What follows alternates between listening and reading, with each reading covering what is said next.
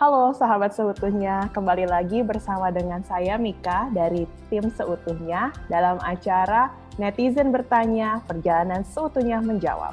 Hari ini kita kedatangan tamu spesial nih, yaitu ada Ibu Jovita Maria Ferliana. Yeay, selamat datang Bu. Hai Kak, terima kasih sudah mengundang. Apa ya, kabarnya? Baik, pasti kabar Ibu juga baik juga ya Bu. Luar biasa.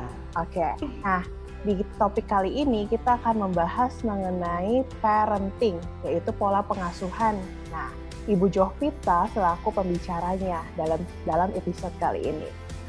Oke, untuk lebih jauhnya lagi kita akan bahas yuk ada apa aja sih pertanyaan-pertanyaan yang masuk di DM Instagram perjalanan seutuhnya kali ini. Yang pertama, Ibu Jo ada pertanyaan nih dari satu orang ibu. Anak saya sekarang sudah SMP tapi kenapa ya susah banget dikasih tahu, gak kayak adiknya. Padahal saya cuma mau yang terbaik buat anak saya. Tapi dia selalu aja ngebantah. Akhirnya saya jadi suka emosi dengan dia dan jadi berantem terus nih. Ada saran gak ya Bu yang bisa kita berikan? Kira-kira gimana ya. nih Bu Jo? Silakan. Iya, terima kasih buat pertanyaannya Bu. Nah, jadi saya akan menjawab bahwa anak ibu yang berada dalam usia remaja ini sebetulnya dia sedang mengembangkan kemampuan dirinya untuk mempertebal atau untuk merangsang yang namanya prefrontal cortexnya. Jadi pada saat remaja ini mereka itu uh, sedang berusaha untuk membuat keterampilan baru. Nah, Prefrontal cortex adalah otak bagian depan di mana seorang anak atau seseorang itu dapat mengambil keputusan, kemudian melihat dari berbagai sisi permasalahan, mengumpulkan, menganalogikan dan akhirnya mengambil beberapa keputusan itu semua ada di prefrontal cortex. Nah, pada saat remaja karena kemampuan ini belum penuh, tapi si anak sudah merasa bahwa dia punya berbagai sumber-sumber data nih. Misalnya contohnya, dia melihat temannya, dia membaca sosial media, dia melihat berita-berita. Nah, itu semua dia kumpulkan menjadi satu, di collecting di dalam uh, pusat pemerhatiannya, kemudian juga dia bandingkan dengan keadaan dirinya, misalnya di rumah, di keluarga, tentang pendapatnya dan sebagainya itu semua digabungkan. Jadi bayangkan bahwa si anak ini harus menggabungkan semua hal yang baik yang internal maupun eksternal yang terjadi dalam diri dia menjadi satu kesatuan. Nah, pada saat dia sudah mengkolekting ini semua, kemudian dia berusaha untuk mengemukakan atau mengekspresikan apa yang sudah dia peroleh ke orang luar dalam hal ini orang tuanya tentunya. Nah, sehingga pada saat misalnya orang tuanya merasa bahwa memberitahukan sesuatu nih menurut saya sih sebagai orang tuanya benar nih ya kan? Ini bagus sih dilakukan anak. Tapi kemudian dari hasil pengumpulan informasi si anak merasa bahwa hal itu kurang tepat. Kayaknya aku punya pendapat lain deh gitu kan ya? Nah itu kemudian diutarakan dan akhirnya akan tertangkap bagi orang tua wah ini ngelawan nih ini kok nggak sejalan nih, ini kok nggak mengiyakan saya nih, gitu kan ya. Nah, padahal dari kacamata si remaja, dia sedang berusaha untuk mengemukakan pendapatnya dari informasi yang dia terima tentunya berbeda dari apa yang memang dia dapat di lingkungan atau di rumah atau di keluarganya. Nah, sebetulnya jadi proses ini alangkah baiknya kalau memang difasilitasi oleh orang tua dengan cara memberikan kesempatan kepada anak untuk berpendapat.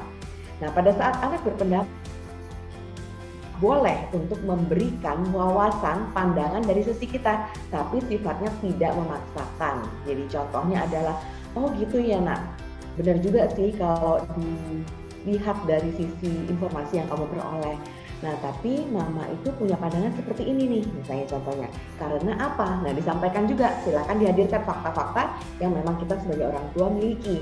Nah, sehingga si anak nanti akan menambah informasi barunya lagi, dimasukin lagi, diolah lagi ke prefrontal cortexnya sehingga dia mendapatkan suatu hal yang baru.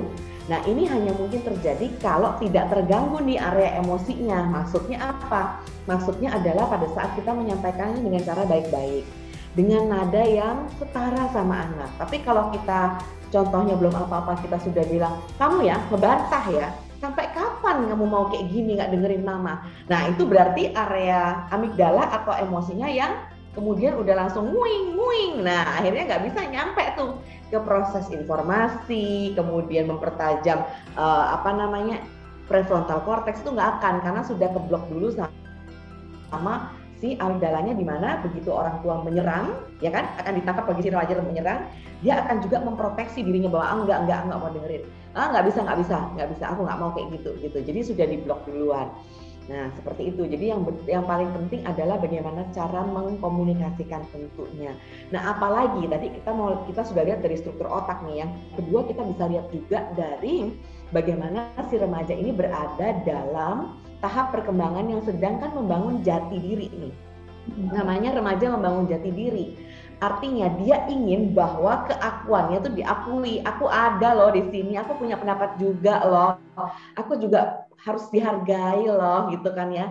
Nah, proses dia memahami jati dirinya inilah yang kemudian dia sampaikan kan kepada orang tuanya sehingga terkadang misalnya contohnya dengan cara yang kurang tepat atau tidak senada dengan orang tua nah ini kemudian yang akhirnya ditangkap sebagai orang tua sebagai perilaku membangkang padahal sebetulnya tidak seperti itu. Nah itu jadi apa dong yang harus dilakukan untuk menjembatani adanya tadi ya dari segi otak dia sudah membangun keterampilan baru dari segi pencitraan atau kemudian pencapaian jati diri juga dia sedang membangun hal itu untuk dirinya, untuk bisa diterima secara sosial. Makanya kenapa remaja itu merasa bahwa dia itu punya konformitas sama lingkungannya, merasa bahwa e, kalau misalnya aku mengikuti hal-hal yang berkaitan sama e, teman-teman aku, konformitas aku, kelompok aku, itu aku semakin mendapatkan pengakuan. Nah itu semua karena sebetulnya pencarian jati diri.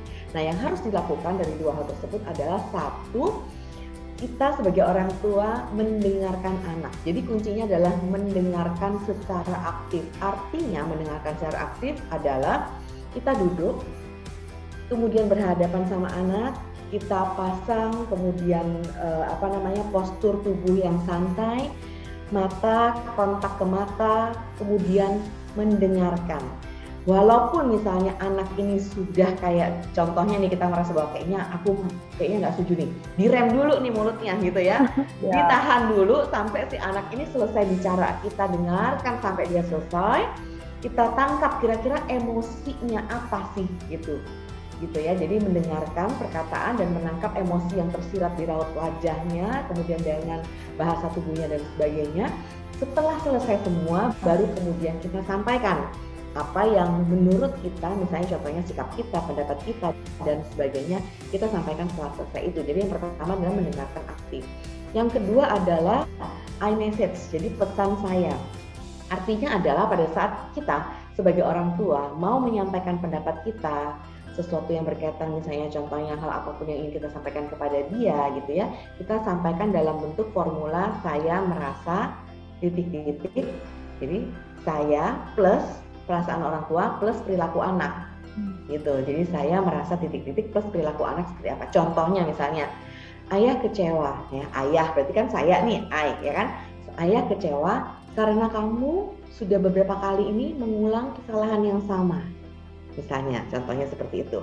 Atau lebih spesifik lagi ayah kecewa karena kamu sudah berjanji pulang jam 9 malam maksimal tapi ini sudah yang kelima kalinya kamu pulang di jam 12 malam tanpa kabar berita.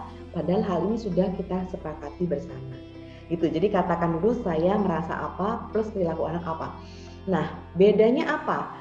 Dengan tipe yang kedua. Tipe yang kedua misalnya you message, pesan kamu. Nah, bedanya seperti ini. Kalau you message adalah gini, kamu tuh ya nggak pernah ngedengerin, disuruh pulang jam 9 tetap aja pulang jam 12. Emang keras kepala gitu ya kan? Atau kamu tuh ya, nah itu kan kamu duluan. Artinya berarti ada perasaan terserang si anak yang menerima ini merasa terserang karena kan kamu duluan gitu. Tapi pada saat kita balik ini iMessage saya merasa nah maka anak akan belajar untuk oh ternyata orang tua itu punya loh perasaan ternyata pada saat saya melakukan perilaku saya seperti ini, imbasnya orang tua merasa apa? gitu. Jadi dia akan merasa tahu bahwa semua perilaku yang ditujukan kepada seseorang itu akan mengakibatkan tercetusnya emosi orang lain seperti itu. Jadi dia juga belajar adanya sebab akibat, adanya uh, perilaku, adanya konsekuensi dan sebagainya. Itu jadi dan anak juga akan belajar lebih menghargai perasaan orang lain atau perasaan orang tuanya. Gitu. Jadi mendengar secara aktif, kemudian juga iMessage, dan yang ketiga, nah ini penting. Kadang sebagai orang tua kan mungkin kita tidak dibekali dengan keterampilan yang cukup bagi diri kita untuk bisa menata emosi kita terkadang kita itu udah terlanjur kayak misalnya emosinya meluap-luap gitu ya sehingga perlu bagi kita selaku orang tua mempersenjatai diri memperlakukan diri dengan teknik untuk meredakan emosi menstabilkan emosi. Jadi bukan menghilangkan emosi ya tidak dihilangkan. Jadi tetap nama perasaannya kita sebutkan. Mama merasa kecewa gitu kan atau ayah merasa sedih. Tadi ya pakai formula yang tadi. Nah tapi pada saat emosi kita meledak-ledak, maksudnya ciri-cirinya apa? Biasanya kita tahu dari uh, fungsi fisiologis kita ya, misalnya kayak jantung udah berdebar-debar, terus kayak tekanan darah naik ke atas kepala ke ubun-ubun, terus nafas kita udah mulai naik turun terus senggang-senggang. Nah itu biasanya kan kalau kita terusin pada saat itu, itu yang ada adalah amarah yang keluar. Bisa aja makian, umpatan, ya kan? Nah seperti itu kalau bisa kita cegah dengan cara apa? Dengan cara kita menata emosi kita. Nah, caranya adalah berarti kita sebagai orang tua belajar yang namanya menstabilkan emosi dan ini bisa juga kita ajarkan kepada anak remaja kita. Nah, teknik yang digunakan tuh bermacam-macam. Kalau mau nyari sumbernya gitu ya, mau di YouTube, di kemudian podcast dan sebagainya itu banyak sekali. Nah, misalnya contohnya dengan teknik pernafasan tentunya. Misalnya pernafasan 478, menarik nafas 4 hitungan, tahan 7 hitungan dan kemudian keluarkan kembali 8 hitungan. Bisa. Atau yang kedua, teknik pernafasan membentuk kotak. Jadi pada saat kita menarik nafas dan pada saat kita menghembuskan, kita membayangkan kita menghembuskan nafas itu dengan membentuk square atau kotak gitu ya dan lakukan berulang-ulang sampai kemudian keadaan emosi kita sudah stabil, sudah baik, kemudian baru kita berhadapan dengan anak dan menuturkan apa yang menjadi pendapat kita, kehendak kita dan sebagainya. Itu kalau mau pakai teknik pernafasan bisa seperti itu. Nah, ini bisa dilatih bersama antara orang tua dengan anak sehingga anak pun punya bekal dan keterampilan untuk bisa menstabilkan emosinya kapan pun dia perlukan. Wow, banyak sekali nih Bu Jovita nih. Oke, berarti tipsnya adalah bisa kita cari dulu bagaimana kita mendengarkan anak itu seperti apa ya Bu Jovita ya. ya. Bagaimana kita sebagai orang tua untuk mendengarkan anak tersebut dan juga dalam penyampaian pesannya pastikan pesan itu tepat dan cara kita menyampaikannya juga baik. Jadi nggak selalu tentang mencecar anak, tetapi bagaimana kita ber, ber, berespon terhadap anak tersebut. Semoga ibu ini nih yang tadi sudah kita bacakan uh, bisa disampaikan ya dan juga diterima dengan baik saran-saran dari kita beri. Oke, okay, terima kasih banyak Bu Jovita atas penjelasannya.